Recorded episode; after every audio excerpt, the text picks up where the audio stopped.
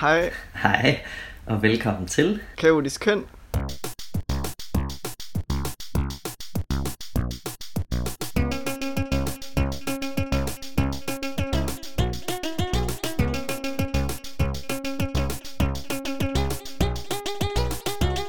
Og ja, øh, det er lang tid siden, vi lige har optaget, så vi er blevet en lille smule rustne. Øhm, men øhm, vi er mere glade for, at vi har fået en, en gæst med i dag. Øhm, og det er jo øh, dig, Ivy Oak.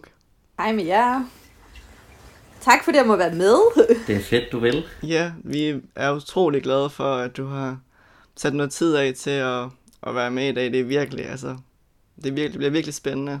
Jamen, jeg har også glædet mig i lang tid. Altså, jeg vil godt starte med at sige, at jeg er lidt starstruck, fordi jeg var faktisk Shit. øh, virkelig været glad for at høre jeres podcast, da det sådan var meget nyt for mig. Ja, Øhm, og der er ligesom bare ikke... Altså, der er så lidt på dansk, Ja, der handler om altså især at være non-binær, men, men transkønnethed i det hele taget. Øhm, så jeg har bare haft utrolig meget glæde af, af jeres podcast. Øhm, så det er mega fedt at kunne være med. ja, ja, det er dejligt, du vil være med. ja, det er mega dejligt. Ja. Øhm, sidste gang, der, øhm, der lavede vi lige sådan en introduktion, hvor at du, nu har vi så sagt dit navn, men hvor man ligesom lige siger sit navn og sine pronomener og så sit køn. Ja. Jamen, jeg hedder som sagt Ivy Oak, og jeg bruger de dem pronomner, øh, og jeg er non-binær. Øh, nogle gange kalder jeg det også øh, metakønnet. Øh, det skifter lidt, men øh, en eller anden form for non-binærs person. Fedt. Ja. Øhm, ja, altså jeg ved ikke, om du har lyst til at gå så meget dybt med det, men jeg synes, at det er altid spændende, det der med, hvordan man selv oplever køn, men også sådan, hvordan din oplevelse har været omkring øhm, omverdenen, da du sådan ligesom sprang ud, hvis du har lyst til at dele lidt om det. Jamen, det vil jeg gerne. Altså, jeg havde en enkelt øh, veninde, som jeg har sådan skrevet rigtig meget med, hvor at der var en aften, hvor at øh, jeg begyndte at skrive til hende, og var sådan, ej, jeg er virkelig sådan kommet i tvivl sådan, om alt det her med køn, og det rammer mig lidt. Øh, og så skrev vi sammen en hel aften om en masse ting. Øhm, og hvor at, at jeg blandt andet havde set nogle billeder, hvor jeg havde øh, kort hår, som jeg savnede rigtig meget, og der var gået meget sådan øh, øh, forældre med nyfødt barn i den, så jeg har ikke rigtig sådan taget mig af mig selv i en længere periode. Øh, så jeg kunne bare mærke, at jeg savnede sådan at have lidt mere sådan kontrol over mit eget kønsudtryk og sådan nogle ting. Ja. Øhm, og den aften, der fik jeg så snakket en masse med hende. Og så dagen efter begyndte jeg at tale med, med min partner om det. Så det gik faktisk rigtig hurtigt, for jeg ville gerne have, at han var med i sådan hele processen. Øh, så det ikke var sådan noget, jeg kom sådan flere måneder efter og var sådan, hej, øh, jeg er transkønnet, nu skal du høre alle de her tusind ting, jeg har tænkt over. Ja, Øhm, og så efterfølgende, ja, altså inden for de næste par dage, der fandt jeg så et øh, BBC-podcast, der hedder My Non-Binary Life. Ja, Og så hørte vi det, min, øh, min partner og jeg sammen, øhm, de første par afsnit. Og det var en super fed måde at ligesom komme i gang med hele den her snak, fordi jeg jo selv var rimelig lost. Og han er altså sådan klassisk cishet, der aldrig har skulle forholde sig til hverken sit køn eller sin seksualitet. Øh, så så det, vi måtte også starte et sted, hvor vi ligesom kunne få noget sprog for det sammen. ja, Så det var sådan den sådan helt tydelige oplevelse. Øhm, og så har jeg for eksempel fortalt det til en anden veninde, som har kendt mig en del år, hvor at hendes svar, det var sådan, Nå, men det vidste jeg godt, du var. Jeg, jeg vidste bare ikke, at det hed noget. Ja. Og det synes jeg bare var en ret fin... Altså, jeg følte mig virkelig set og anerkendt. Og, og det siger også lidt om, hvor lidt sprog der egentlig er for det her non-binære. ja. Mega spændende, og, og Det var et par eksempler. ja, helt sikkert. Det, det er også svært det der med at, at springe ud. Det har vi også lidt snakket om, fordi det er jo sådan, hvornår, eller sådan, hvordan. Og, men det er jo nogle mega fine små historier, du, du fortæller, og dine oplevelser. Og jeg synes også, det er mega spændende, det du fortæller i forhold til med din partner. Altså, at det er jo egentlig, det er jo egentlig ekstremt vigtigt, at, ja, som du, som du siger, at du ikke gør det på et eller andet tidspunkt, som et halvt år efter, når nu er jeg sådan her, fordi at han skal jo ligesom respektere dig for den du er, og så giver det jo en vild god mening, at, at de ligesom har været sammen om det her, og også har en familie sammen og sådan noget, så det er jo, det synes jeg bare er dejligt at høre, at, at det bare ligesom, I har taget det i jeres tempo, og ja, det synes jeg er inspirerende. Ja, det synes jeg også er rigtig dejligt, og, og altså vigtigt, fordi det er jo også super svært, altså det, den der kønstvivl og den der kønsundersøgelse, det er jo en utrolig sårbar proces, så jeg ville bare rigtig gerne have, at han var en del af det. Øhm, både, både for min og for hans skyld og for vores forholds skyld, at, at det netop ikke bare var noget... Altså jeg kender en del transpersoner, der holder det hemmeligt, indtil de er helt sikre på, hvad det er, de egentlig gerne vil fortælle. Øhm, og det fungerer ikke for os. Øh, og det... Ja, så det blev en god måde, tror jeg. Øhm, ja. Det er i hvert fald dejligt at høre også. Ja, den anden erfaring, du fortalte om, at, at det der med, at du havde en, ja, en ven, som sagde, jamen, det giver jo vildt god mening, eller sådan, og det er jo også, det er jo også sjovt det der med nogle gange med sproget, det er, altså sådan, det har jeg også selv følt rigtig meget i mit liv, at sådan, jamen jeg har jo altid egentlig været non-binær, når jeg sådan tænker over det, jeg har jo aldrig været et andet køn, men jeg har ikke sådan kunne i talsætte det, jeg har ikke haft sproget for det, så jeg kunne ligesom først kunne sige det til omverdenen, da jeg havde sproget for det, men igen, at jeg ikke har haft sproget for at kunne talesætte det over for hinanden, eller sådan, at du ikke har kunne talesætte det. Øhm, det kan jeg bare virkelig meget spejle mig i. Altså, jeg har... Jeg tænkte på, du snakkede... Ja. Du må gerne lige svare først. Jeg var ved at stille et nyt spørgsmål, nemlig.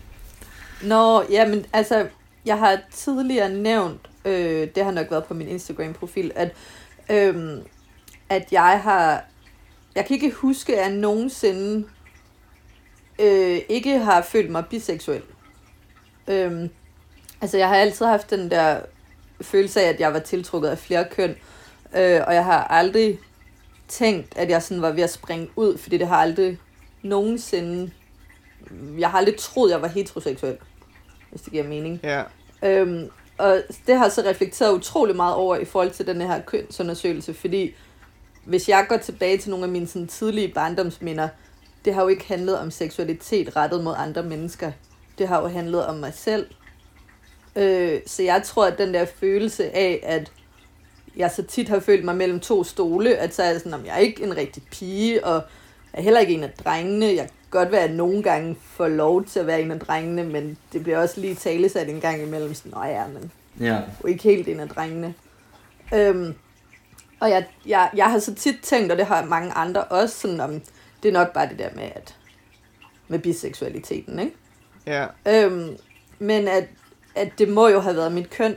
Altså, jeg må have blandet det sammen af mangel på sprog, fordi jeg har jo tænkt, at transkønnethed var netop den der klassiske fra mand til kvinde, fra kvinde til mand, og der var ikke andre muligheder. Så jeg har tænkt, jamen hvis jeg ikke er en mand, så må jeg jo være en kvinde, og så er det bare mig, der er lidt off. Ja, der er sådan noget, du har snakket meget om. Ja, det giver så meget mening. Ja. Wow, det er sådan virkelig, jeg var sådan helt, jeg var virkelig spejlet mig, altså jeg var følt et spejl, der, ja, det var, wow. Ja. Det er så vildt, altså, ja, jeg har set så mange af de der memes, sådan med vejen fra Eldorado, hvor de sådan hakker sig igennem nogle, øh, nogle øh, lianer eller et eller andet, og så er det sådan, øh, sådan, jeg finder min seksualitet, og så sådan, så inde bagved er der sådan en kæmpe stor sten, sådan en klippevæg, og så står der sådan, my gender, og så må bare sådan, fuck. um, det kan jeg godt genkende. ja. Jeg tænkte på, at du snakkede lidt om det der med, at, at, øhm, at efter, eller sådan, da du begyndte at springe ud, så var, det, var der noget med, at du gerne ville tage kontrollen tilbage over dit kønsudtryk, sagde du. Ja. Øhm, og i forhold til det, så er der en, der har spurgt øh, på Instagram, øhm, om du oplevede kropsdysfori i forbindelse med at være gravid. Ja, og det er jo et sindssygt godt spørgsmål, fordi jeg har, jeg har født to børn, og jeg har ammet to børn. Så de sidste fem et halvt år har jeg enten været gravid og eller ammet. Øh, så jeg har jo ikke haft min krop sådan for mig selv særlig meget. Jeg har heller ikke kunne få nye tatoveringer, eller haft, altså det er først for nylig, jeg har haft lyst til at turde begynde at farve mit hår og sådan noget i forhold til, ej, hvad det går over i, i mælken, og alle mulige, altså nogle ting, så man er ikke, man er ikke 100% ret til sin egen krop, når man er gravid eller ammer. Øhm, og det tror jeg, at alle, der er gravide eller ammer, oplever øh, som rigtig svært. Og jeg ved ikke, om man kan kalde det nødvendigvis, øh, om det har været sådan dysfori, eller det bare har været den der mangel på kontrol. Øhm, men hvis jeg havde været opmærksom på mit køn, en af de to gange, jeg skulle øh, føde og gå til jordmor og alle de her ting, så tror jeg, det ville have været mega svært. Ja. Altså, så tror jeg, det, så tror jeg, jeg ville have opsøgt noget privat, hvor de var vant til queer personer. Øhm, og nu skal vi ikke have flere børn, og jeg tror ikke, jeg kunne forestille mig at have lyst til at være gravid igen. Øh, fordi jeg tror simpelthen, det vil give mig for meget dysfori. Ja. Øhm, man taler også tit inden for amning om noget, der hedder ammeaversioner, som er en, altså en, en fysisk eller måske sådan hormonel reaktion på, at, at sådan ens krop siger, at nu skal du holde op med at amme det her barn, fordi du for eksempel har et andet barn, eller er gravid med den næste, eller et eller andet. Hvis man ammer et lidt større barn, øhm, hvor man kan få sådan helt sådan creeps, altså sådan, hvor ens krop, den bliver helt sådan, åh, ej, få det her barn væk. Øhm, og det er simpelthen nogle reaktioner, som ens krop og ens hjerne laver, som man slet ikke har kontrol over. Og det har jeg prøvet, da jeg ammede den ældste og var gravid med den yngste. Øhm, og det tror jeg bestemt ikke er bedre, hvis man så har, altså har noget kønsdysfori oveni. Ja. Ja. Øhm, så jeg tror, at hvis jeg havde vidst, at jeg ikke var en kvinde de to gange, jeg var gravid, så tror jeg, det ville have været meget sværere, end det var. Øh, men det var svært. Jeg havde bare ikke den del af det. Øh, den forståelse havde jeg ikke, så det var bare generelt svært, tror jeg. Ja, det giver vildt god mening, og det er også sådan lidt, det tror jeg også, vi har lidt talt om i det der folkeskoleafsnit, det der med, hvor meget af det er det, at også når man er ung og sådan noget, det er jo så lidt sådan, jeg drager nogle paralleller, sådan, hvad jeg kan relatere til, men det er jo det der med, at, at, at jeg var jo også meget tvivl som teenager, og meget sådan, når man er usikker, men det er alle teenager jo også. Men så, og, og alle oplever noget ubehag i teenager, men så ligesom det der lag ovenpå, Ja. når jeg tænker tilbage, at jeg også ved, at jeg har haft øh, noget dysfori, og det ved jeg, at vi begge to har talt om også i det afsnit. Og det tror jeg bare, det, det skaber ligesom nogle ekstra lag ovenpå, og det er jo også svært at adskille, hvad er det præcis, der er hvad, fordi det flyder bare sammen det hele, men det føles bare ekstremt intens, øh, og jeg kan jo ikke sige, for jeg har jo ikke prøvet at være en, en anden person, der ikke har haft den dysfori, men jeg har bare en idé om, at, at jeg har haft nogle ekstra lag, øh, ligesom du måske også ligesom beskriver. Det lyder meget som det samme. Altså, det, det synes jeg i hvert fald sagtens, man kan relatere de to ting, fordi der er så mange ting, der sker i kroppen med hormoner, både når man er i puberteten og når man er gravid, som man bare ikke har nogen kontrol over. Øhm, og, og hvor det, det, det giver bare, det er et helt andet aspekt, altså som du siger, det er et ekstra lag, hvis der så er kønsdysfori oveni.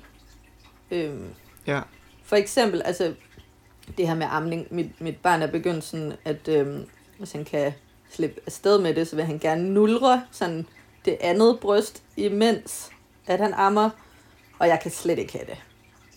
Altså, jeg synes, det er vildt ubehageligt. Så jeg sådan tager hans hånd væk, og sådan ligger mig sådan ovenpå min arm, ovenpå og sådan noget, og han, som regel accepterer han det, men nogle gange bliver han også skidesur. Øhm, og, og altså, det giver mig jo bare ikke mindre lyst til at holde op med at amme og få top surgery nu. Men samtidig vil jeg bare også rigtig gerne respektere hans behov for, at han ikke er færdig med at amme. Ja. Øhm, så jeg har ligesom indstillet mig på, at om et par år kan jeg muligvis få top surgery. Øhm, og indtil da, så må jeg fra, altså, fra dag til dag se, om jeg kan holde det ud, eller jeg ikke kan være i det mere. Ja. Helt sikkert, ja. Vi er jo også bare mennesker, der lever et liv, og vi skal jo have tingene til at fungere, og alting er jo bare kompliceret jo, det er jo ikke, altså... Ja, altså hvis det var sådan, at jeg gik og havde det helt vildt forfærdeligt, og at, at jeg ikke kunne være i det, Ja, så vil jeg selvfølgelig stoppe med at amme. Øhm, men, men altså min store var næsten tre år, da jeg, øh, da jeg stoppede ham med at amme. Øhm, og, og det var ikke, fordi han synes, at det var det tidspunkt. Altså, det, han kunne godt have fortsat, tror jeg. Men øh, så længe håber jeg altså ikke, der går. Jeg kunne godt tænke mig, at, at om et år eller sådan noget, så var vi færdige med at amme. Og så har jeg hørt fra flere, øhm, at så kan man så skal man forvente, at der går mellem 6 og 12 måneder, hvor vævet ligesom trækker sig sammen, før at man har en idé om, hvordan man reelt vil komme til at se ud i sidste ende. Men jeg tænker ikke, at, at det er noget, jeg kan forlige mig med. Altså, jeg, jeg tænker, at der skal en operation under alle omstændigheder. Ja. Øhm, jeg har ikke besluttet mig for, om jeg skal have dem fjernet, eller de skal være små, eller hvad der skal ske. Men der skal ske et eller andet. Det er jeg ikke øh, i tvivl om. Ja. Ja. Så hører jeg jo alle de her øh, historier om CKI og sådan noget, så øh, det har jeg ikke vildt meget lyst til at være en del af. Så, så jeg tror, at, at det, når nu jeg ved, at der er så lang tid til, så tror jeg altså, det bliver noget med at spare op og tage til Sverige eller et eller andet og få det gjort privat, fordi jeg har umiddelbart ikke nogen intentioner om at komme på hormoner og den slags, så hvis det reelt kun er en operation, så vil jeg helst slippe for at skulle ind i hele det system der, Ja. som jeg hører meget blandet om. Ja. Det giver god mening. Jeg ved ikke, om jeg skal sige på et eller andet tidspunkt, hvor gammel jeg er egentlig. Det ved jeg ikke, om det er interessant, eller det er ligegyldigt. Jo, helt sikkert. Øhm, altså, jeg tror ikke, vi har tænkt så meget over det, men det giver mere god mening, at... Men altså, det er slet ikke sikkert, det er interessant. Altså, jeg, jeg, har, jeg har bare tænkt sådan, ej, jeg vil ønske, jeg havde vidst det, da jeg var på jeres alder. -agtigt." så det er sådan det eneste aspekt, der er i det for mig. Altså, Ja, ja, også tit dem, dem, der bliver interviewet, eller dem, der snakker med folk, eller sådan, de fortællinger, der er, er jo tit med unge mennesker. Der, og det er også meget den der, bare Ja. Finde ud af det processen, der bliver snakket meget om, og ikke så meget med, når man nu har været trans i 5 år, eller, sådan, eller i 10 år, eller i 20 år. Altså det er ikke Ja. rigtig interessant mere, men det er jo Ja. ja. også bare en stor del af rigtig manges liv, ikke? Altså allerede er vi to jo ved at være der, hvor der er ikke rigtig, altså sådan normalt vil man stoppe med at snakke om det nu. Ja. Øh, fordi at man ligesom Ja. er der, hvor man gerne vil være, og ja, så det, det er jo meget fedt det der med at høre, at folk er forskellige steder i livet, og forskellige steder i transitionen, og ja, at der er andet til det, end at være 20, og lige, lige finde ud af det, og springe ud og starte på hormoner. Eller sådan, whatever, ikke? ja, lige præcis. At der kan være mange øh, historier. Altså, jeg synes jo, det kunne være helt fantastisk, øh, hvis jeg kunne få en, der var i 50'erne eller 60'erne til at svare på mine kønsportrætter. Altså, det vil jeg virkelig elske. Ja, det vil vi også gerne have med. Så det er jo sådan, at jeg gerne vil kunne spejle mig i nogen, der var ældre end mig. Jo, Altså, klart. ja. Ja, helt sikkert. Og det er ikke i mit hoved, der, der har jeg også meget det her billede af, at det er sådan ligesom en anden film. Du ved, det er sådan meget ligesom, det, jeg ser sådan, så, så er ligesom den her person, der ligesom går igennem hele den her udvikling, og så indser, okay, jamen jeg er den her person, og så slutter filmen, ligesom en yeah. kærlighedshistorie eller et eller andet, så lever de lykkeligt til deres dages ende, så lever den her queer-person lykkeligt til sin dages ende, for nu har endelig alle accepteret personen. Og det var også sådan lidt, Jamen, så meget. Altså, det var sådan, jamen, der er jo også et liv bagved, eller sådan, og det, vi lever jo stadigvæk, altså sådan, vi er jo ikke bare ligesom fuldendt, bare fordi, at nu har vi ligesom fået et sprog for, for vores, altså, vores identitet, eller hvem vi er, altså. Jeg har også en bog liggende af en, der hedder Kate Bornstein, hvis I kender hende. Nej. Men det er en non-binær person, der er ret... Jeg ved ikke, hvor gammel hun er. Måske omkring 60. Jeg ved det ikke. Det må jeg lige tjekke op Ja. på i pausen. Øhm, men det glæder jeg også meget til at læse øh, en af hendes bøger, fordi hun er netop en af dem, der faktisk bliver ved med at snakke om det. Ja. Øhm, selvom hun er lidt ældre. Jeg kan også huske, at Ash Hardell delte en video på et tidspunkt omkring at være non-binær i mange aldre, hvor Kate Bornstein også var med som den ældste, tror jeg. Ja. Det synes jeg også bare var enormt interessant at se det der med perspektivet på, at der er faktisk andet til det, end at være ung og ja, at være det samme sted alle sammen, ikke? Jo. Altså, jeg taler med, eller jeg var med i det der øhm, NaNoWriMo her i november, hvor man prøver at skrive en roman på en måned. Det lykkedes overhovedet ikke for mig, men det var sjovt, og jeg mødte en masse fede mennesker. Øh, og der var der rigtig mange af dem, der netop skrev det der young adult øh, aldersgruppe, hvor det er de der sådan små teenager, og så op til de der sådan 17, 18, 19 år, ikke? Øhm, og der, det tænker jeg bare lidt med det, der du siger, at så er det sådan, den der sådan questioning fase og coming of age og finde ud af ens identitet, og så slutter det der. Altså, det kunne være så meget federe at netop få noget repræsentation af transkønnet, og, og, og især måske også det der liv efter, at man har fundet ud af alle de her ting. Men hvordan lever man så, når man er 30 eller 40 år, og man har vidst det i rigtig mange år? Og man for eksempel altså får en uddannelse og et arbejde og stifter måske noget familie og alle de her ting. Fordi det er jo ikke noget, der bare forsvinder. Altså, det holder jo ikke op med at være sådan her. Nej, det er virkelig rigtigt. Ja, men øhm, ja, altså, det, er me- altså, det er så spændende at tale om.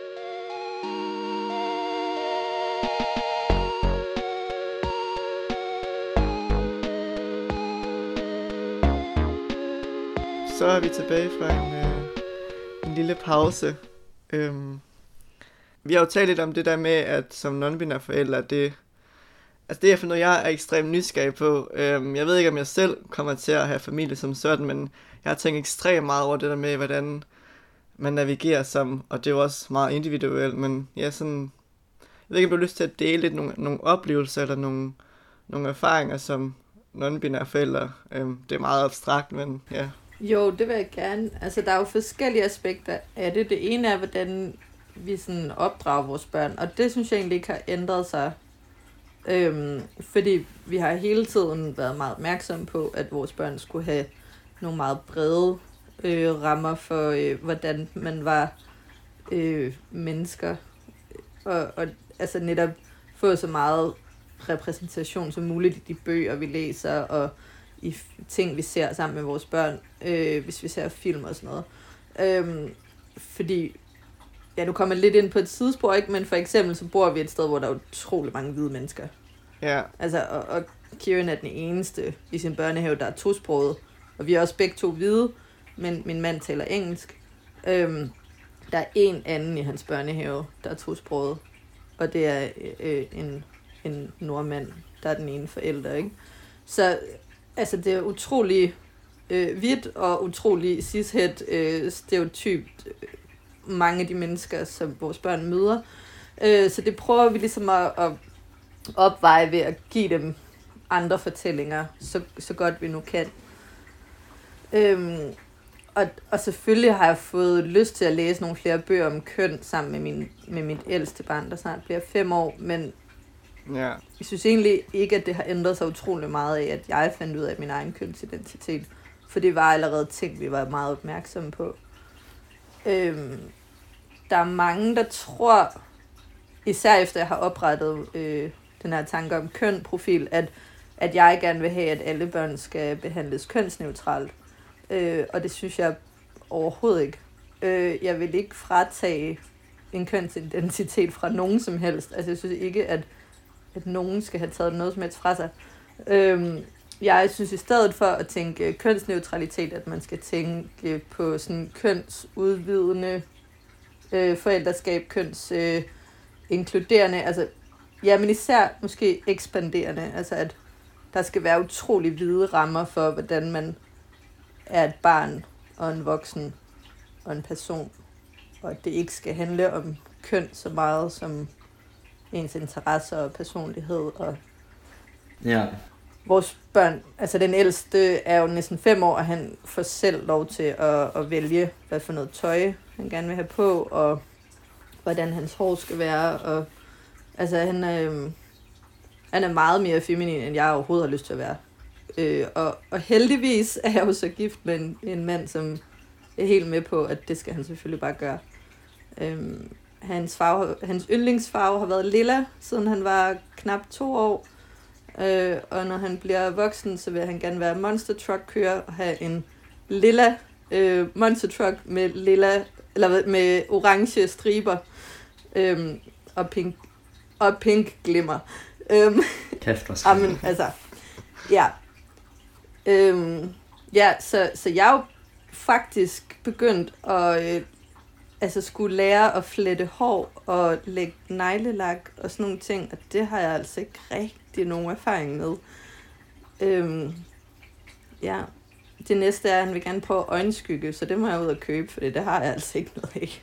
ej, hvor spændende. Ja, Ja, men jeg tror bare, det jeg synes er ekstremt spændende, det er, det er også noget, jeg altså, virkelig har tænkt meget over. Sådan meget det der med, at hvad er den korrekte måde for en non-binær forælder at opdrage børn på? Og det, der er jo ikke nogen korrekt måde. Vil jeg blive et lykkeligere barn af at være selv at være opdraget kønsneutralt? Og også det der med, hvad er kønsneutralt? Er det, at hun må gå i hvidt og sort og gul og brun, eller, eller sådan, og, og det er jo også begrænsende et eller andet sted. Og jeg, jeg tror, at i starten var jeg meget sådan lidt, jeg havde en idé om, at jamen, det er den bedste måde, det er, at vi skal ikke ligesom, det skal, altså alle skal gøre alt, og der skal ikke være noget som helst, som er sådan anderledes. Men jeg tror også godt, det kan blive, det kan også blive begrænsende. Altså, vi, der er faktisk flere, der har spurgt mig, hvorfor at jeg omtaler mine børn som han. Øh, og, og, og det gør jeg, fordi selvom at det jo ligesom er en majoritet, der er sidstkønnet, øh, så tænker jeg, det er okay at øh, bruge de pronomener indtil, at, øh, at barnet selv kan gøre opmærksom på noget andet. Men den eneste måde, man kan sørge for, at et barn kan bede om nogle andre pronomener, det er jo ved at lade dem vokse op med en forståelse af, at der ikke er noget, der er fastsat for dem. At, at nu bruger vi han, og, og indtil at, øh, at Kieran har lyst til at, at gøre noget andet, så, øh, så, så gør vi det. Men det kræver jo, at han ved, at der findes andre muligheder. Ja. Og derfor læser jeg jævnligt bøger med ham, der handler om kønsidentitet og, og pronomen og, og den slags. Og så taler vi altid om det. Så siger jeg sådan, jeg, jeg kan jo godt lide, at folk kalder mig for de og dem. Øhm, hvad kan du godt lide? Så han er sådan stille og roligt begyndt at forstå, hvad det her pronomener betyder. Og han øver sig faktisk rigtig meget i at bruge kønsneutrale pronomener om folk, vi ikke kender. Så det er sådan ret tydeligt, at han eksperimenterer med det. Men jeg har egentlig aldrig brugt ordet pronomener, tror jeg. Jeg tror, det ved jeg ikke, hvorfor jeg ikke har, men, men vi snakker bare stille og roligt om mennesker og, og interesser og udseende og alle de her ting. Ja, spændende. Ja. Øhm, jeg tænker, Øhm, jeg ved ikke, om så- der var mere, du ville sige. Ja, mere bare det her med, at, at jeg vil ikke omtale mine børn kønsneutralt, eller, eller ikke kønne dem, fordi altså det vil, føler jeg vil være, at jeg så tog et valg for dem. Altså, jeg, jeg synes, at, at Kieran skal, og, og hans lillebror Edward, de skal vokse op med en, en følelse af, at det hele er okay. Øh, ligegyldigt om de så føler sig som, som drengebørn eller ej. Hvis det er deres kønsidentitet, så er det jo fint. Øh, og hvis det ikke er, så vil jeg bare gerne være sikker på, at de ved, at de kan komme og fortælle os noget andet. Ja, Og det kan vi ikke gøre andet end at klæde dem på til, helt sikkert. hvis det giver mening. Ja, der er jo der er jo ikke nogen rigtig måde at gøre det på. Øhm, jeg var øhm, i efteråret, der var jeg et, frivilligt sted, øhm, og det var også, jeg tror, jeg har talt lidt om det på podcast, men det var virkelig sådan spændende for mig. Jeg var et, et sted, hvor der var nogle øh, queer, non-binære forældre, øhm, hvor der var en baby, øhm, og den blev, den blev omtalt som den. Øhm, Ja, Så altså, jeg synes bare, det er spændende at høre nogle forskellige oplevelser, og hvad folk ligesom overvejer, og ja, Ja, for der er jo super gode argumenter, både for at tale kønsneutralt om sine børn, og, og for at, øh, at afvente, som vi gør. Altså, der er mange, der har skrevet til mig, for eksempel sådan, Nå, nu venter jeg det her barn, og jeg fik at vide øh, ved en scanning, at øh, den har en penis. Det her barn, må jeg godt bruge han om barnet? Må jeg godt give barnet et klassisk drengenavn? Og så siger jeg, selvfølgelig må du det. Det, det, det skal, I skal gøre, hvad der giver mening for jer. Og så længe I ligesom viser, at der kan være mange måder at være en person med en penis på, så, øh, så gør I det rigtigt, øh, tænker jeg, som forældre. det kan jeg godt forstå. Og så er der en ting mere. øhm, hvad hedder det? I lang tid så har min øh, mand øh, svømmet med vores ældste barn. Øh, og så havde vi så, så savnede jeg ham bare rigtig meget, og kunne godt tænke mig at være lidt mere sammen med ham. Fordi jeg hjemmepasser jo vores yngste, så han er i min pasningsordning sammen med to andre etårige børn. Så ham ser jeg rigtig meget, så jeg savner lidt at være alene med den store. Og så var det så mig, der skulle begynde at gå til svømning med ham. Ja, Så har jeg fået købt mig sådan et mega fedt, øh, sådan en heldragt med regnbuestriber, ikke? Og ærmer, og sådan lidt lange øh, shorts-agtige, sådan, sådan en gammeldags badedragt med lynlås, ikke? Hvor jeg tænkte, ej, det var rart, fordi så var jeg pakket lidt ind, og samtidig var den fed og farvestrålende, ikke? Ja. Øhm, og så kommer jeg så derover med mit barn, og det bliver jo bare noget lort, fordi han siger sådan, "Nå, men vi skal ind her i omklædningsrummet. Bare sådan, ja, der må jeg ikke gå ind. Jeg ved godt, det er der, du plejer at gå ind med daddy, men der må jeg ikke gå ind, jeg skal gå ind herover. Nå, okay, fint nok. Så går vi derind. Så står vi der og klæder om, og det er også fint, og jeg får sådan styr på mig selv. ja, og så kommer vi jo så ind til svømmelærerne, der er vant til min mand er der. Og så omtaler de mig jo helt automatisk som Kivens mor. Og så siger jeg sådan, at jeg bliver egentlig kaldt for Emmy. Og så siger den ene svømmelærer sådan, men er det ikke to mødre er I? Og så er jeg sådan, nej, øh, ja. Og så fik jeg ligesom ikke rigtig fulgt den videre. øhm, så det blev en utrolig dårlig oplevelse for mig. Og så tænkte jeg, at vi bliver nødt til at prøve det en gang til. Så gjorde jeg det igen ugen efter, og jeg fucking havde det. Så det gør jeg ikke mere. Øhm, vi bliver nødt til at finde på noget andet, vi kan lave sammen, fordi det var simpelthen for ubehageligt for mig, til at det kunne blive en god oplevelse for ham. Øhm. Ja, det kan, jeg, det kan jeg godt forstå. Ja, ja, det var... Altså, det lyder også ret noget. Rammerne var bare ikke en aktivitet, jeg kunne være i. Altså, for jeg var nødt til at, at fejlkønne mig selv for overhovedet at komme ind til undervisningen.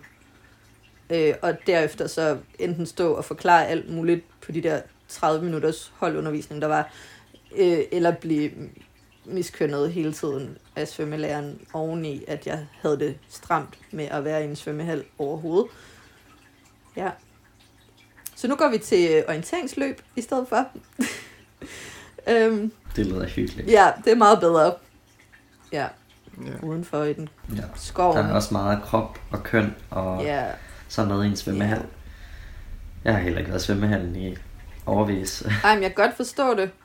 Jeg troede, jeg havde nailet den med det der uh, swimsuit der, men uh, det var ikke nok, selvom det føltes som at tage sådan en rustning på nærmest.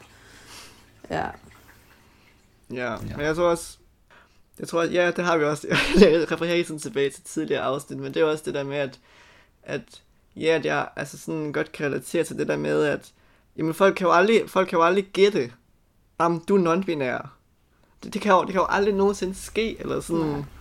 Det er jo også vildt, hvis det sker, for så har man også, så er det jo også ligesom forkert, for så er det sådan, så har du antaget noget, og du ved ikke, hvordan det er at se non-binær ud.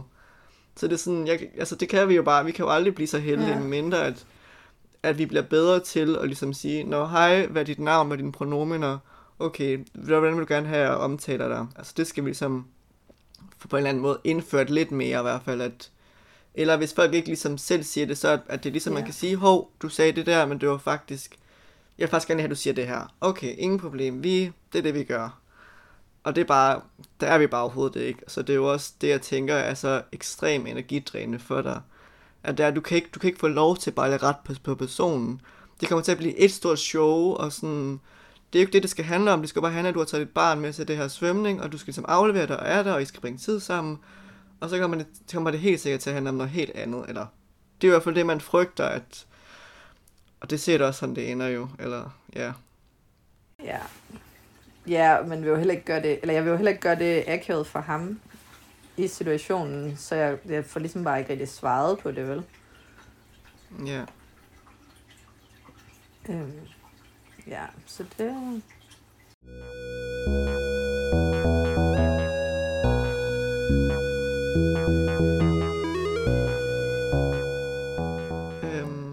jeg ved ikke, om vi skal gå... Eller om du har noget S, eller skal vi gå videre til nogle af de andre spørgsmål? Hastigt. Øhm, ja, vi har jo vi har fået, altså, vi har fået nogle, lidt, nogle flere spørgsmål fra Instagram, øh, som vi jo, øh, det var mere god idé, at det var dig, der foreslog, at vi lige skulle skrive det ud på story. Øhm, og det er vi jo vi er mere glade for, når folk de øh, interagerer med os. Øh, vi prøver jo at, at gøre vores podcast så interaktiv som overhovedet muligt. Øhm, du har jo lidt sagt det, men det der med, at hvad, hvad for nogle øh, ord bruger dine børn i stedet for, i stedet for at bruge mor og far? Hvad er det sådan, de ord, I bruger? Ja, men det var faktisk en, øh, en ret hyggelig ting, fordi det var helt i starten, øh, da jeg begyndte at have den her kønstvivl, og, og jeg egentlig ikke var nået særlig langt med det.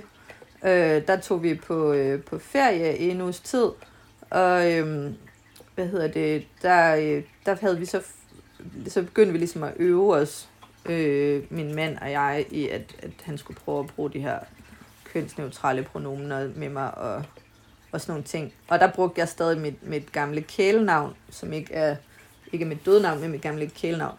Og dengang der blev jeg kaldt mor. Øhm, og det har jeg egentlig aldrig brudt mig om.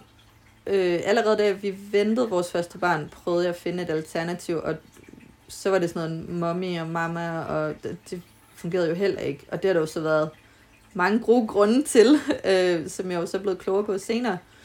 Øhm, så jeg gjorde simpelthen det, at jeg talte med mit ældste barn om det, at jeg ikke havde lyst til at blive kaldt mor mere, og om han havde lyst til at hjælpe mig med at finde et andet ord, vi kunne bruge.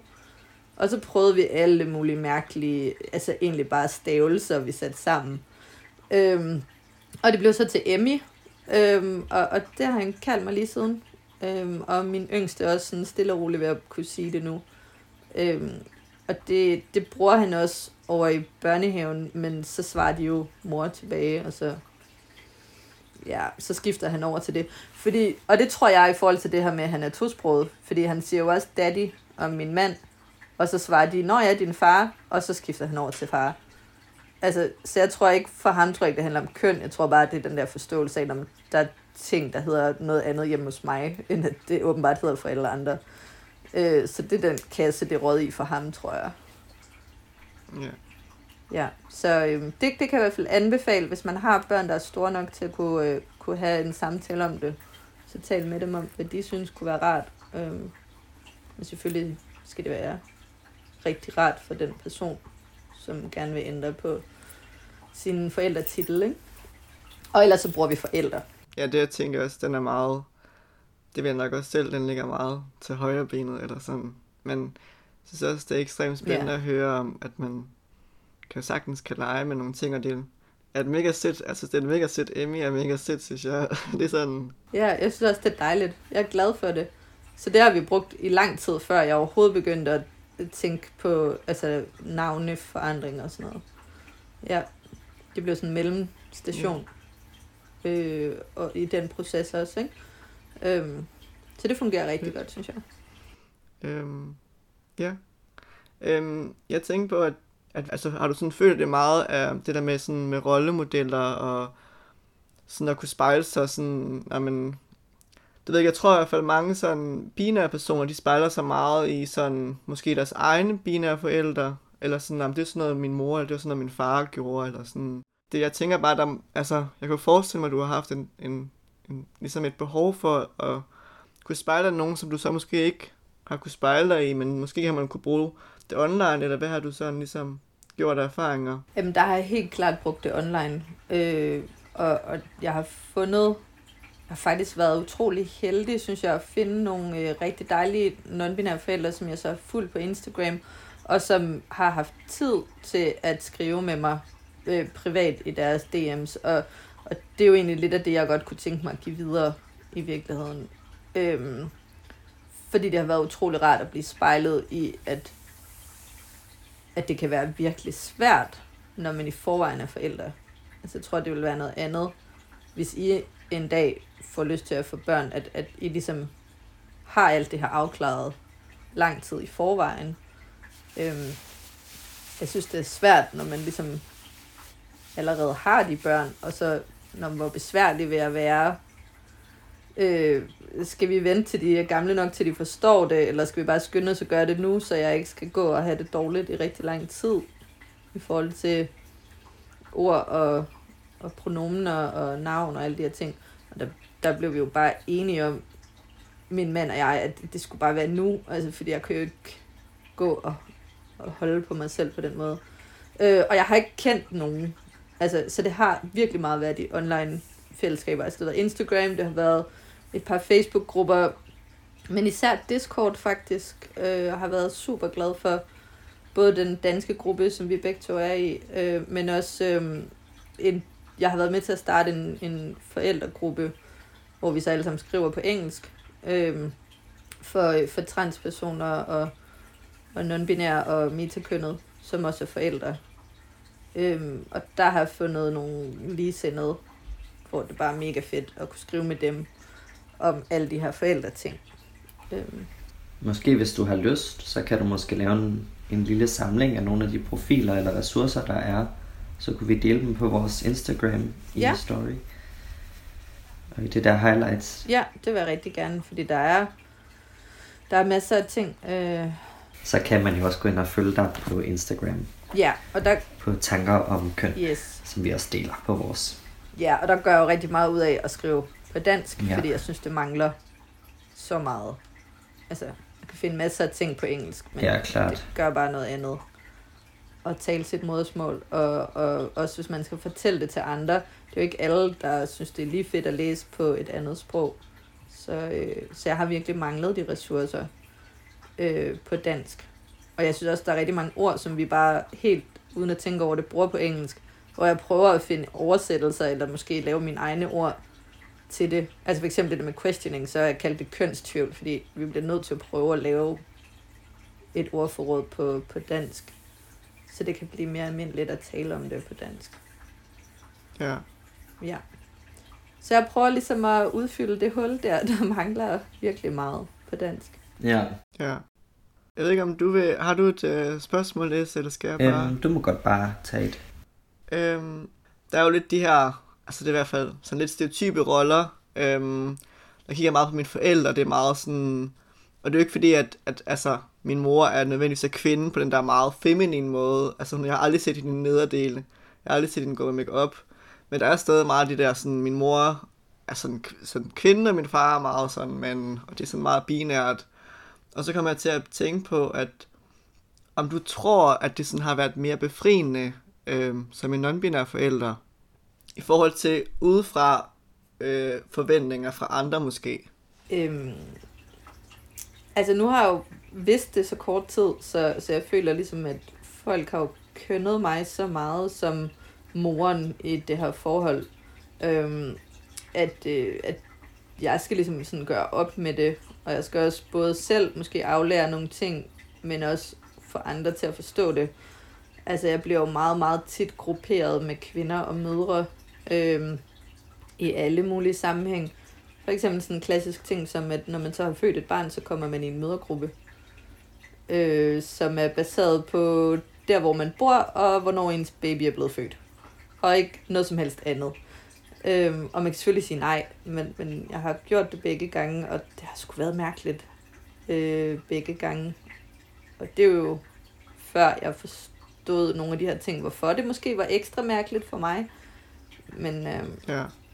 ja, jeg, nej, jeg tror ikke nødvendigvis, det er særlig meget nemmere. Øhm, jeg bliver nødt til at opfinde sådan min egne måde at være forældre på, så på den måde har jeg jo frie rammer. Øhm, men jeg tror mere, det er en kamp for at øh, få andre folk til at forstå, at jeg er ikke en kvinde, og jeg er ikke min børns mor, selvom jeg har født dem. Øhm, ja, så jeg synes egentlig nærmest arbejdet kun lige gået i gang. Ja, det giver, det giver vildt god mening, at måske er det nærmest været om- omvendt. Altså sådan i mit hoved, så tænker jeg sådan, det er jo nok også en eller anden sådan, tror lidt drømmeverden. Altså sådan, um, det må da være sådan lidt mere befriende at være non-binær forældre, fordi at, altså man kan jo igen, man kan jo ikke styre andres forventninger, hvis de har en forventninger til, at man er en eller anden morrolle, eller man er en eller anden farrolle, så er det jo det, de forventer af en, så kan jeg jo ikke ligesom ja. så er det jo det, du kæmper med jo. Og så kan jeg godt forstå, at du føler, at det måske endda faktisk er sværere, fordi at kæmper med at få lov til at være den, du ligesom har lyst til at være, uden at ligesom skal komme fri af de der lænker, du får lagt over dig. Ja, altså jeg tror igen, det havde været anderledes, hvis jeg havde vidst det for 5 eller 10 år siden. Så jeg ligesom var gået ind i Ja, at skabe en familie sammen med min partner, velvidende, at jeg var non-binær, så tror jeg, det havde været en helt anden oplevelse. Øhm, men fordi det her ligesom sker sideløbende med, at vi allerede har børn, så ja, er det så meget en proces inde i mig, og, og, og med min partner, og med mine børn, og hele omverdenen, at altså det er ligesom bare en ekstra ting oveni, at jeg så også skal få folk til at holde op med at gruppere mig med mødre og kvinder Ja, øh, hele tiden. Altså det skete så sent som for et par dage siden, hvor jeg var blevet tagget et meget, meget fint sådan story-opslag, hvor det var sådan øh, alle de her dejlige kvinder, der har øh, inspireret mig, som jeg er vildt glad for at øh, følge, hvor jeg var sådan, tak, men åh. Øhm, og den person blev bare så ked af det, fordi jeg så rettede det. og, Så satte jeg sådan et person henover sådan med sort på den der story, der så delte den igen. ja, Øhm, og, og, og hun blev virkelig ked af det, fordi hun var sådan, jeg øver mig så meget, jeg er virkelig ked af det, og alle de andre i det der opslag, der var blevet tagget, det var kvinder og mødre, og jeg var bare sådan, for helvede. Øhm, ja. så meget kort, nej, det er ikke særlig meget nemmere, tror jeg. Ja, det kan jeg godt forstå. Ikke for mig i hvert fald. Nej. Øhm, ja. Øhm, sådan i forhold til sådan sundhedssystemet, øh, jeg var i hvert fald huske sådan til Pride, der talte jeg lidt om, øhm, i forhold til det der med jord, mødre jordpersoner, øhm, at det der med, at de synes nogle gange, det er svært, at de ikke har fået den øhm, hvad hedder, uddannelse, som de egentlig har haft brug for, nogle af de der queer øh, jordpersoner, at det der med, at der altså, i hvert fald nogle ting, hvis du sådan skulle sige nogle specifikke, specifikke ting, som du synes kunne have været rart, at du havde, hvis du skulle, ja, nu er lidt kløder, men sådan, hvis du havde skulle igennem øh, det igennem igen, og sådan også for omgangskreds, og ja, generelt omverden, hvad, hvad har du sådan synes kunne være have rart at få? Jamen altså, hele det sprog, der er både sådan skriftligt og på fødegangen, og når man går til jordmor og alle de her ting. Jordmor, det hedder det jo. Altså, der er nogen, der så kalder det jordperson, for ligesom at prøve at være lidt, bare en lille smule mere øh, Øh, inkluderende, ikke? Øhm, men altså, det hele det sprog, det er bare utrolig kønnet, og, og det er også utrolig øh, altså, heteronormativt oveni. Altså, de går ud fra, at man er en kvinde, der skal føde et barn, som i øvrigt er gift eller kæreste med en mand, som skal være far til de her børn. Øhm, det er vildt belastende øh, at tænke på, at skulle være i det system igen. Og derfor tror jeg simpelthen ikke, at jeg ville kunne øh, henvende mig til et offentligt system igen i, i den, altså ikke som det ser ud nu. Så skulle det være et sted, hvor de netop var opmærksomme på at bruge et meget mere inkluderende sprog, og kalde det for den gravide og den fødende og din partner eller din fødselshjælper eller whatever. Øhm, fordi jeg synes, at det er rigtig svært at, at føle, altså hvis jeg skulle føle mig tilpas i det system, som jeg har mødt de to forløb, jeg har gået i. Øh, øh, jeg kender nogle stykker, som enten selv er, er queer-personer, eller i hvert fald har efteruddannet sig så meget, at øh, LGBT-familier har lyst til at komme til dem, øh, når de skal skabe en familie. Hvem er det? Er det Camilla Tved og... Camilla Tved, ja. øh, og så, så har jeg faktisk selv en, øh, en veninde, som er uddannet øh, jordmor, og som er ved at starte op som, øh, som selvstændig, som blandt andet ved at tale med mig er utrolig opmærksom på, at øh, der er rigtig meget, der skal læres, og at, at hendes, øh, altså nu er hun selv cis kvinde, og, og de fleste af hendes øh, kunder kommer måske til at være øh, cis kvinder, men, men at hun vil meget gerne kunne fagne bredere, og hun vil meget gerne kunne tilbyde andet og mere, end det, som man får på den helt almindelige fødegang, ikke? Ja. Øhm, ja, hende kan I også få et link til, hvis det er. Det kunne være Men fedt det er rigtig dele. dejligt, at ja, det er rigtig dejligt, at det ligesom dukker op. Jeg har også været i kontakt med en utrolig dejlig øh, ammevejleder af to omgange, som, øh, hvor jeg skrev sådan, jamen, nu, nu har jeg fundet ud af, at jeg er non-binær, siden vi snakkede sammen første gang i den tidligere, øh, i den forrige fødsel og graviditet og alt det der. Øhm, så kan du finde ud af det? Eller sådan, at du, øh, ved du, hvad jeg snakker om? Og hvor hun var sådan, altså jeg vil gerne indrømme, at jeg har ikke nogen erfaring, jeg har ikke prøvet det mere end sådan en enkelt gang før. Øh, men fortæl mig dine pronomener, og hvilket navn skal jeg bruge, og så vil jeg gøre mit bedste for at, øh, at imødekomme det. Og det gik bare vildt godt. Vi havde sådan en videosamtale. Øhm, og bagefter skulle hun lave et skriv til min læge. Og hele vejen igennem, så brugte hun mine pronomener korrekt. Hun brugte ikke mit navn. Hun skrev forældre. Så, altså, og det var bare så fedt wow. at se. Altså, en overhovedet ikke queer person, der faktisk ikke havde særlig meget erfaring med det, bare tage det til sig og ret ind og, og efterkomme mine ønsker. Så det kommer jo stille og roligt. Fedt. Øhm, så det er rigtig dejligt. Hende vil jeg også gerne lave et link til. Øhm, hun er i, øh, Det kunne være fedt. i Jylland, man laver rigtig mange øh, online ting, også, også før øh, alt det her corona, der var det også online, fordi jeg bor på Sjælland, ikke? Ja.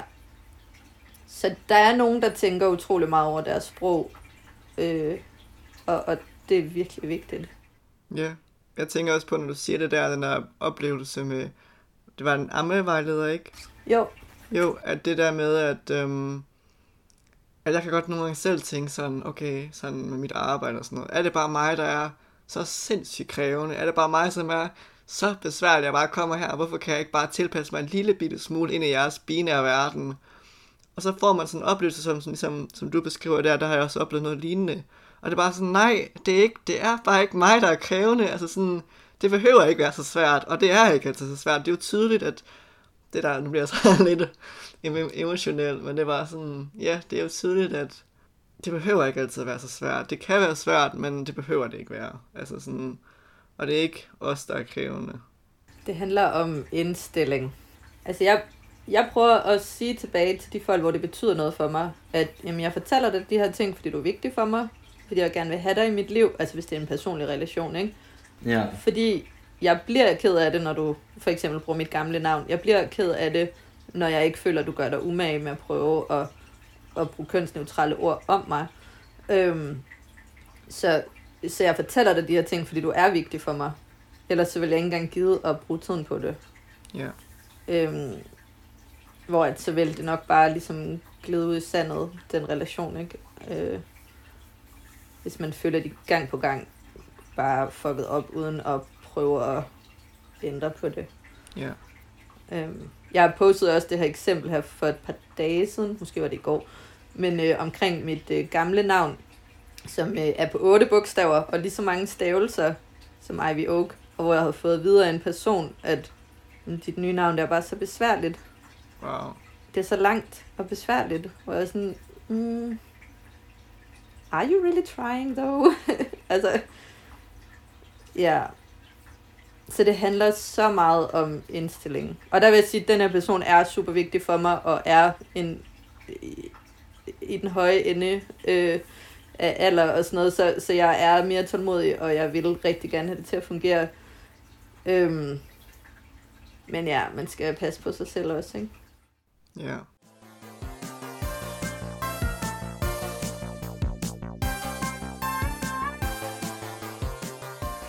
Øhm, det har vi også lidt talt om, S, det der med, at, at det der med sådan, jamen, verden er jo ekstrem binær, eller sådan, barnet bliver ligesom sådan fuldt ind i sådan en eller anden sådan kønsboble, sådan, okay, du skal i den her retning, du skal vælge de her farver, du skal vælge de her ting. Øhm, og der kan jeg godt- godt forestille mig, at, at det kan være altså, lidt svært at navigere i at opfostre børn i den her ja. verden, fordi en ting er jo, hvad man bestemmer i sit hjem, og ligesom, at der kan et barn ligesom få lov til at gøre alle de ting, man har lyst til at gå i kjoler, danse, øhm, have store øhm, hvad det er, bukser på, eller et eller andet. Men en anden ting er jo også bare, når man handler ind sammen, og børn ser de her ting, og ser film, og ja, hvordan det sådan har været for jer. Jamen, altså, vi er jo blevet konfronteret med det tit nede i børnehaven, fordi altså, Kieran jo helt automatisk vælger lilla, gul, lyserød øh, ting, hvis, øh, hvis Kieran selv får lov til at vælge. Det er meget tit sådan, at nu skal du have nye sko, øh, vi tager ud og kigger på sko, og så antager personen i butikken, at Kieran er en pige, og finder de lyserøde sko frem. Og ja. Så viser jeg øh, alle de sko, der er at vælge mellem, og så vælger Kieran de sko, Kieran gerne vil have. Men altså, Kieran bliver ikke at reagere på, at folk kalder ham for en pige. Altså, det er sådan, nå ja, så nogle ja. Gange retter han på dem, og andre gange, så, så siger han bare, ja, ja, jeg vil gerne have nogle nye sko. Ej, de der er vildt fede, og så vil han gerne have dem. Øhm, og andre gange, så siger han sådan, jeg er altså en dreng. Og så siger de sådan, ej, undskyld, og så bliver de helt kede af det, og sådan alle mulige akavede ting, bare sådan, ej, altså, slap nu af. Øhm, og så i perioder, der har han været sådan, det er meget sødt, været sådan, faktisk kan man godt have langt hår, når man er en dreng. Ja. Min yndlingsvoksen nede i børnehaven, han har langt hår, og det vil jeg også have, og sådan nogle ting. Og jeg synes bare, det er så fedt. Altså, så det, det synes jeg bare er dejligt. Ja. Altså, så jeg kan huske, da vi kom tilbage i, øh, i børnehaven med de nye lyserøde øh, sko, som Kieran havde købt, at det første, det var, at en af de ældre børn spurgte, hvorfor har du købt pigesko? Og så sagde den her pædagog, ej, jeg har noget, jeg glemt at fortælle dig. Det her, det er jo faktisk Kierans nye løbesko, og de er lyserøde, fordi Kieran kan godt lide lyserød. Og så sagde det her store barn sådan, Nå, okay, jeg kan ikke lide lyserød. Bare sådan, Nå, hvad for nogle farver kan du godt lide? Jeg vil kun have grøn. Okay. Altså, og så var den ikke længere. Og derfor er jeg virkelig glad for, altså og det er også den her pædagog, som jeg har haft så godt ja. et forhold til, og som netop har kunne fortælle, at jeg er non-binær, og, og fortælle mit navn og mine pronomer og sådan noget for lang tid siden. Øhm, og det er jo klart, når han tager så godt imod mit barn, og, og ser mit barn, som, som han er, og støtter ham, når folk, både forældre og børn, har de der utrolig stereotype idéer om, hvordan tingene hænger sammen. Det er jo meget det der med drengefarver og pigefarver, hvor der synes jeg bare, at de griber den og siger sådan, jamen farver er faktisk øh, ikke noget med det at gøre. Ja. Øh, og så snakker de lidt om det, og så næste dag, så har den her pædagog måske taget sin lyserøde skovmandsskjorte på, ikke? For ligesom at lige sige, hey, øh, sådan er det ikke, eller ja. et eller andet. Altså det, det er bare noget fantastisk personale, der måske bare ser lidt anderledes på tingene. Eller i hvert fald bare møder os som familie, hvor vi er på mange punkter. Øhm, ja, men altså, det er svært, når man så kommer uden for sin boble, og så måske, hvad kommer han til at møde i folkeskolen og sådan noget, det, det kan jeg sgu ikke helt... Øh, ja. Ja. Fordi inden, allerede inden da han havde langt hår, der, altså han havde helt kort hår, da han startede i børnehave, der var han tre år, og han havde kom der med sin øh, skrig lilla rygsæk, som han selv havde valgt. Øh, og, øh, og det første folk spurgte jo om, det var jo, er det der en dreng eller en pige? Og så der, var han, der sagde han ikke noget. Altså der var han bare sådan, det forstod han jo ikke. Altså, ja. øh, men de store børn, dem der skal til at gå i skole, de går jo op i sådan noget. Altså det går bare så tidligt ind i den binære øh, kønsforståelse. Sindssygt meget. Vi har fået et sidste spørgsmål fra øhm, Instagram. Vi har jo lille smule inde på det, men det der med, at øh, hvordan snakker man med børnehave og så videre om køn? Ja, altså, jeg ser jo ikke så meget til, hvordan de er i løbet af dagen, men, men jeg føler, at de stiller aktiviteter til rådighed på lige vilkår. Altså, jeg føler ikke, at det er sådan noget, kom dreng, nu skal vi ud og spille fodbold. Altså, eller at, at man opfordrer nogle børn til at lave nogle slags aktiviteter, og andre børn til nogle andre aktiviteter. Ja. Øhm, nu går mit barn i skovbørnehave, og jeg har en eller anden forforståelse af, at de voksne, der vælger at arbejde i sådan et miljø, tit også er lidt mindre stereotype øh, i forhold til de fleste pædagoger, der arbejder med 0-6 års området, er meget ofte cis-kvinder, der øh, måske øh, laver mange stillesiddende aktiviteter med børnene, altså meget sådan finmotoriske inden for ting, hvor at, altså mit barn er udenfor hele dagen, hele året, hver dag, med voksne, der gider at være udenfor hele dagen i alt slags vejr. Øhm, så på mange måder tror jeg, de tilbyder nogle helt andre ting. Ja. Øhm, men det er noget, jeg godt kunne tænke mig at tale rigtig meget med dem om, egentlig, fordi jeg har indtryk af, at der går helt klart flest børn med ulige CPR-nummer i deres institution. Øh, jeg tror, at der er nogen, der har en idé om, hvilke slags børn, der har godt af det, eller særligt brug for det. Ja. Øhm, og der er altså helt overvist om, at hvis vi havde fået nogle andre børn end dem, vi har fået, så, så ville vi stadig gerne have haft dem i skovbørnehave. For vi er begge to meget glade for friluftsliv, og har i øvrigt mødt hinanden gennem spejder. Så det er meget sådan, øh, det, det her lejerliv og, og ude og lave bål og være i skoven og sådan noget. Det er jo det, er jo det vi synes, vi gerne vil give videre ja. til vores børn. Ikke? Helt sikkert. Øhm, jeg ved ikke, hvor meget tid vi har tilbage. Nej, jeg ved ikke, om vi skal hoppe ned til nogle af de sidste spørgsmål. Ja. Øh,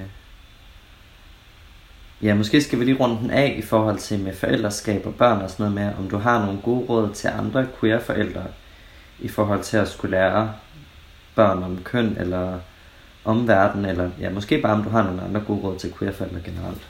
Ja, men altså som jeg også kom lidt ind på tidligere, så synes jeg, at, at det er en rigtig god idé at give sine børn de her mange, altså en mangfoldig øh, repræsentation i de medier, som man tilbyder børnene. Altså både hvis man læser bøger med dem, eller ser en film med dem, og de ting, man laver. Altså at, at man er enormt kritisk i sit forældreskab øh, med alle mulige ting. Altså så det netop bliver den der intersektionelle feminisme, man opdrager sine børn ud fra så man får talt om køn og race og seksualitet og øh, mennesker med funktionsvarianser. Øh, alle de her ting, at det kan godt være, at man ikke har det i sin egen omgangskreds eller sin egen familie, men at vi taler om, hvor forskellige mennesker kan være, og at den her diversitet er det, der gør mennesker så fantastiske, og at, Ja. at nogle gange så øh, kan det være svært at sætte sig ind i, hvordan andre mennesker har det, fordi man selv oplever nogle helt andre ting. Altså, og på den måde fortalt også om det her med at være en del af ma- majoriteten og have nogle privilegier, men også at være en del af en minoritet, og hvordan det kan være en udfordring. Ja. Øhm, det er ikke et særligt konkret øh, forslag eller godt råd, men, men altså simpelthen tænke det ind i, i, den, i de samtaler, man har med sine børn. Og hvis man ser for eksempel en Disney-film, der jo har nogle utrolig, utrolig racistiske karikaturer af, af et eller andet, øh, så, øh, så tal med dem om, hvorfor det er problematisk, altså på det niveau, de er, i den alder og den sproglige kontekst, øh, de kan være med på, så, Ja. så stille nogle ting til rådighed for dem, som I kan tale om, og have nogle, øh, nogle samtaler om, man kan sagtens tale enormt kritisk med, med altså også børnehavebørn. Ja, det er um, mega gode råd. Øhm, Ja, jeg ved ikke, om vi bare skal hoppe over til, til ugens anbefaling, måske. Jo. Har du noget, øh, noget til ugens anbefaling? Ja, øhm, jeg har en bog, men den er så godt nok på engelsk, som jeg faktisk tit læser med Kieran. Øh, og jeg mener, at den hedder It Feels Good to Be You. Øhm, jeg kan ikke lige huske, hvad, hvad forfatterne hedder. Øhm, men jeg vil gerne sende den til dig, eller til jer. Den er rigtig, rigtig fin. Ja. Den øh, handler om øh, nogle forskellige børn. Nogle af dem er ciskønnet, nogle af dem er transkønnet. Øhm, og der er øh, øh, to forskellige non-binære børn, hvor at, at de fortæller om, hvordan de oplever deres køn. Øhm, og så er der sådan en ordforklaring til forældrene i slutningen af bogen, der netop forklarer nogle af de her ting. Øh, og, og det synes jeg er rigtig, rigtig fint, og det er nogle super fine tegninger.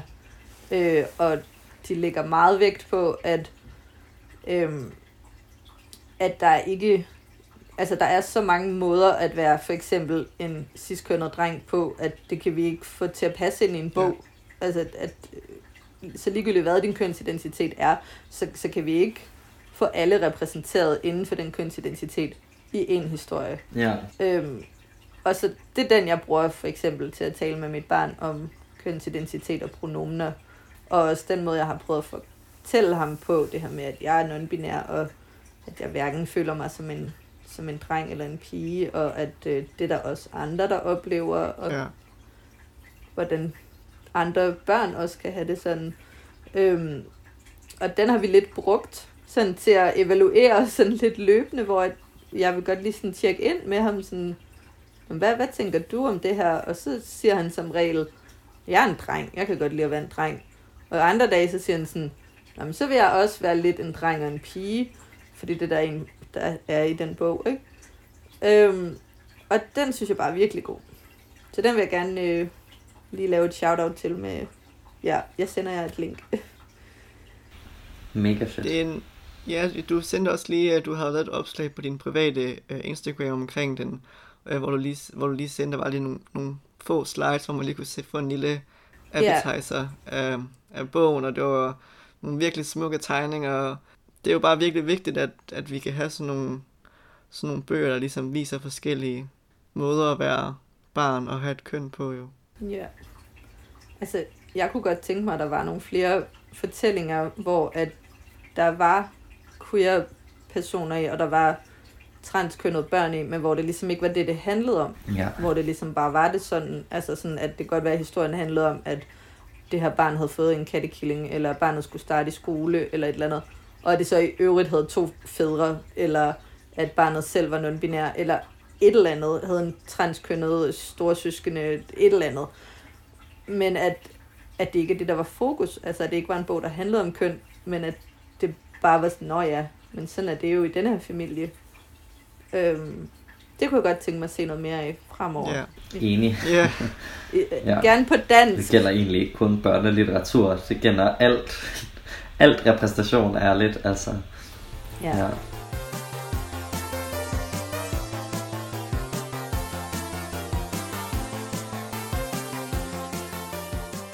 Du skrev også til os det der med, at den, den binærs kønsopfattelses effekt på non-binærs undertrykkelse. Hvis du lige har et eller andet lige her, sådan måske nogle afsluttende ord ja. øhm, omkring det, så må du meget gerne. Jamen, det er jo for eksempel det her, da jeg skulle øh, ansøge mit navn så fik jeg jo at vide, at øh, jeg kunne godt hedde Ivy, og så hed Oak til mellemnavn, men at jeg kunne ikke hedde Ivy Oak med bindestreg til fornavn, fordi Oak, det var et drengenavn, ifølge den her øh, ja, navnelovgivning, der er i Danmark. Øhm, og det er jo et rigtig godt eksempel på en utrolig binær tilgang. Ja. Øhm, så er der jo flere, der har spurgt mig sådan, "Jamen, er det så vigtigt med den bindestreg? Øhm, og der har jeg jo så bare valgt at være stedig og sige, jamen det vil jeg have. Altså jeg vil have, at I gør begge navne øh, til unisex navne, fordi helt ærligt, hvor er det en åndssvag regel det her. ja. Øhm, og på samme måde er der jo også nogen, der har spurgt mig, "Nå, men skal du så have skiftet dit CPR-nummer? Øhm, men det giver ikke mening for mig at skifte fra et CPR-nummer, som ikke er mit køn, til et andet CPR-nummer, der heller ikke er mit køn. Altså, det vil ikke hjælpe på noget for mig. Ja. Øhm, jeg kunne godt tænke mig et CPR-nummer, der havde fem cifre til sidst. Eller en stjerne, eller et eller andet. Altså, fordi igen, jeg vil ikke fratage noget fra andre. Altså, jeg vil ikke... øh, Binære transpersoner, de bliver jo helt vildt glade og bekræftet i at kunne få skiftet deres CPR-nummer, så det afspejler deres kønsidentitet, og de kan få lov til at bære det navn, som stemmer overens med, med det, de har lyst til at hedde. Det giver bare ikke mening for mig som non-binær. Øhm, så jeg kunne godt tænke mig, at, at man uden at tage noget fra andre, kunne tilbyde non-binær noget andet. Ja. For eksempel med, med CPR-nummer og muligheder for at vælge et navn og de her ting. Hvad tænker I om det? Jeg tror, i forhold, hvis jeg må kommentere på det, Ja, altså sådan, jeg tror, at nogle gange, så kunne problemerne også løses ved at eliminere køn i det. ja, Altså, så for eksempel CPR-nummer, ikke? At der bare ikke var nogen, der var kønnet. Fordi så havde det sådan set ikke været et problem for mig at have et lige CPR-nummer. Altså, hvis Nej. der ikke var noget, der hed, du ved, lige ulige, betyder noget bestemt. Altså, Ja. så den synes jeg egentlig er relativt nem at løse ved bare at sige, jamen, altså, det var et nummer. Det er fuldstændig ligegyldigt. Det er maks tilfældigt, hvordan, hvad du får for et nummer. Øhm, altså, det synes jeg egentlig vil løse problematikken. Og så i forhold til at få et bogstav øh, i ens pas for eksempel, at det var det så fint, at der kunne være, øh, hvad er det, MKN eller sådan noget, ikke? ja, Eller, Ja. jeg ved ikke, hvad det er, MFX eller whatever, ikke? Altså, der, var, der er et mulighed for at få køn der, hvor det giver mening, også i forhold til pronomener. Altså, der vil jeg også blive ked af det, hvis jeg skulle blive omtalt de dem af folk, der kendte mig. ja, Altså sådan, det ville jeg synes var Ja. ja. latterligt. Men hvis det var en person, der omtalte alle, de ikke kendte med de dem, ville jeg ikke synes, det var latterligt. Altså så ville jeg jo synes, det var fint, når jeg, du omtaler mig ligesom alle andre. Ja, Så er køn ligesom bare elimineret i den ligning, og så er det fint. ja, Øhm, så sådan, der hvor det giver mening, synes jeg selvfølgelig, det er fint at kønne folk. Øh, eller når man, når man snakker om nogen, som man godt ved bruger nogle bestemte pronomener, så synes jeg, at man skal bruge de pronomener om dem. Men jeg, jeg bliver ikke ked af, at, at køn bare bliver taget ud af ligningen øh, mange af de steder. Altså nu kan jeg jo heller ikke tale for alle binære transkønnede i verden, vel? Men Præcis. det var bare lige mine tanker om det. Men det er Ja. rigtig jeg spændende. skulle forestille mig, at der var nogen, der var enige. Ja. ja, der er helt sikkert nogen, der er enige. Ja. Men jeg tror også, der er nogen, der måske føler, at "Nå, men nu har jeg endelig fået denne her ret, og jeg kan endelig se min kønsidentitet afspejlet i de her sådan ting, juridiske ting, som jeg aldrig har fået lov til at, at kunne se mig selv i før. Altså, hvor de ville føle, at de fik frataget noget, måske. Øhm, men igen, det ved jeg jo ikke. Jeg har ikke erfaring Det med det. sagtens være. Men det giver, Ja. det giver helt vildt god mening. Jeg tror også, at det er sådan... Det er nok lidt en, en evig problematik, altså det der med, at det er også noget, lidt, vi har talt om, så jeg tror også, at vi har talt om det i non gruppen det der med, at det, det er svært at vide, at hvornår er det så, man kommer til at træde folk over tæerne. Altså hvis det er, at, at, at vi vil sindssygt gerne give plads til binære transkønnede personer, men vi vil også gerne give plads til non-binære personer. Nogle gange, så kommer det til, at, at man kan ikke til, altså sådan, i hvert fald ikke med det der CPR-nummer, på den måde kan man ikke ligesom imødekomme altid begge behov, fordi jeg vil jo også føle, igen, så vil jeg måske føle lidt, altså sådan, mm, altså jeg har ikke lyst til, at, at, at nødvendigvis mit køn lige skal afspejles i, i et tal, eller sådan, så det er, jo, det er jo ekstremt svært, og man, vi kan jo aldrig ligesom gøre andre sådan alle tilfredse, men jeg tror bare, det er ekstremt vigtigt, at vi kan tale om de her ting, og at, og at der er plads til, at, øh, at systemet kan forbedre sig. Ja, måske finde en mellemvej nogle gange, ikke? Altså for eksempel i forhold til, at nogen måske gerne vil have et hverken CPR-nummer eller et bogstav. Ja. Øh, og nogen vil gerne have, at der var begge dele. Så kan man måske sige, at tallet er, er ligegyldigt, men ja. der er stadig et bogstav, eller whatever, ikke? Eller i forhold til pronomener, at man sådan prøver at finde en mellemvej. Ja. Jeg talte med en øh, sundhedsfaglig person om, at øh, jeg godt kunne tænke mig at gå helt væk fra det her med kønnet CPR-nummer. Og så sagde øh, hun så, jamen, hvordan skal vi så vide, hvis vi for eksempel får en ind fra et trafikuheld, sådan, hvordan, hvad vi skal forvente, når vi tager tøjet af den her person, der er bevidstløs. Øh, og så sagde jeg sådan, jamen, jeg kunne godt tænke mig, at, øh, at hvis man så rent faktisk kunne finde ud af, hvem den her person var, at så poppede der ligesom en liste op med, jeg ved ikke, alle de her organer, som en person kan have. Øhm, og så kan det jo være, at man har fået fjernet sin blindtarm, eller man øh, har fået fjernet øh, sin æggestokke og livmor, eller whatever. Men at i stedet for, at der ligesom var, at den her person har det her tildelte køn, så var det, den her person øh, er indehaver af de her øh, organer og sanser, øh, så vil man for eksempel også være opmærksom på, om det her barn, eller den her person er for eksempel døv, eller øh, har kun sin ene nyre, sådan nogle ting. Sådan en checkliste. Kan vi få det i stedet for? Øh, det, det ville jeg synes var genialt. Øh, det var hun så ikke rigtig enig i, men, øh, men, men jeg kunne godt tænke mig at revolutionere øh, øh, sundhedsplatformen, eller hvad det hedder, fuldstændig. Bare gør det, tænke helt ud af boksen, gør det helt anderledes. Fordi selv for sidste personer kan man jo have fået fjernet nogle organer, der gør, at, at ja. visse spørgsmål eller visse øh, undersøgelser ikke giver mening. Det kunne bare være så fedt at få det outrullet, øh, uden at det skal handle om, øh, om CPR-nummer og, og køn og alle de her ting. Så det er ligesom bare et menneske, der har de her fysiske øh, ting. Ja. Øhm, og det fik mig så til at tænke på en anden anbefaling, som er LGBT Danmark, der lige har lavet deres sundhedsplatform for øh, queer-personer. Jeg ved ikke, om I har været inde og kigge på den, men den er mega fed. Altså, jeg synes virkelig, jo. det er nogle relevante, relevante emner og nogle gode guides til, sådan, jamen, hvornår er det relevant for mig som queer-person at fortælle for eksempel min læge om nogle ret personlige ting om min seksualitet eller mit køn. Øh, hvor man måske kan blive behandlet lidt mere ligesindet, hvis man er åben om nogle ting, som også er lidt sårbare. Ja, så det var egentlig bare det, jeg gerne lige ville også få med. Ja. Ja. Helt sikkert. Ja, det, det var sådan, ja, wow, jeg føler der, jeg ved ikke med dig, men jeg føler bare, wow, der er virkelig meget sådan stof til eftertanke. Jeg har virkelig øh, ja, lært ekstremt meget, og og det, jeg kan jo stadig lære rigtig meget af dig. Øhm, ja, jeg synes, det har været virkelig, virkelig fedt at have dig med, og det har bare været sådan helt, bare gået flydende. Altså. Nå, det er jeg da glad for.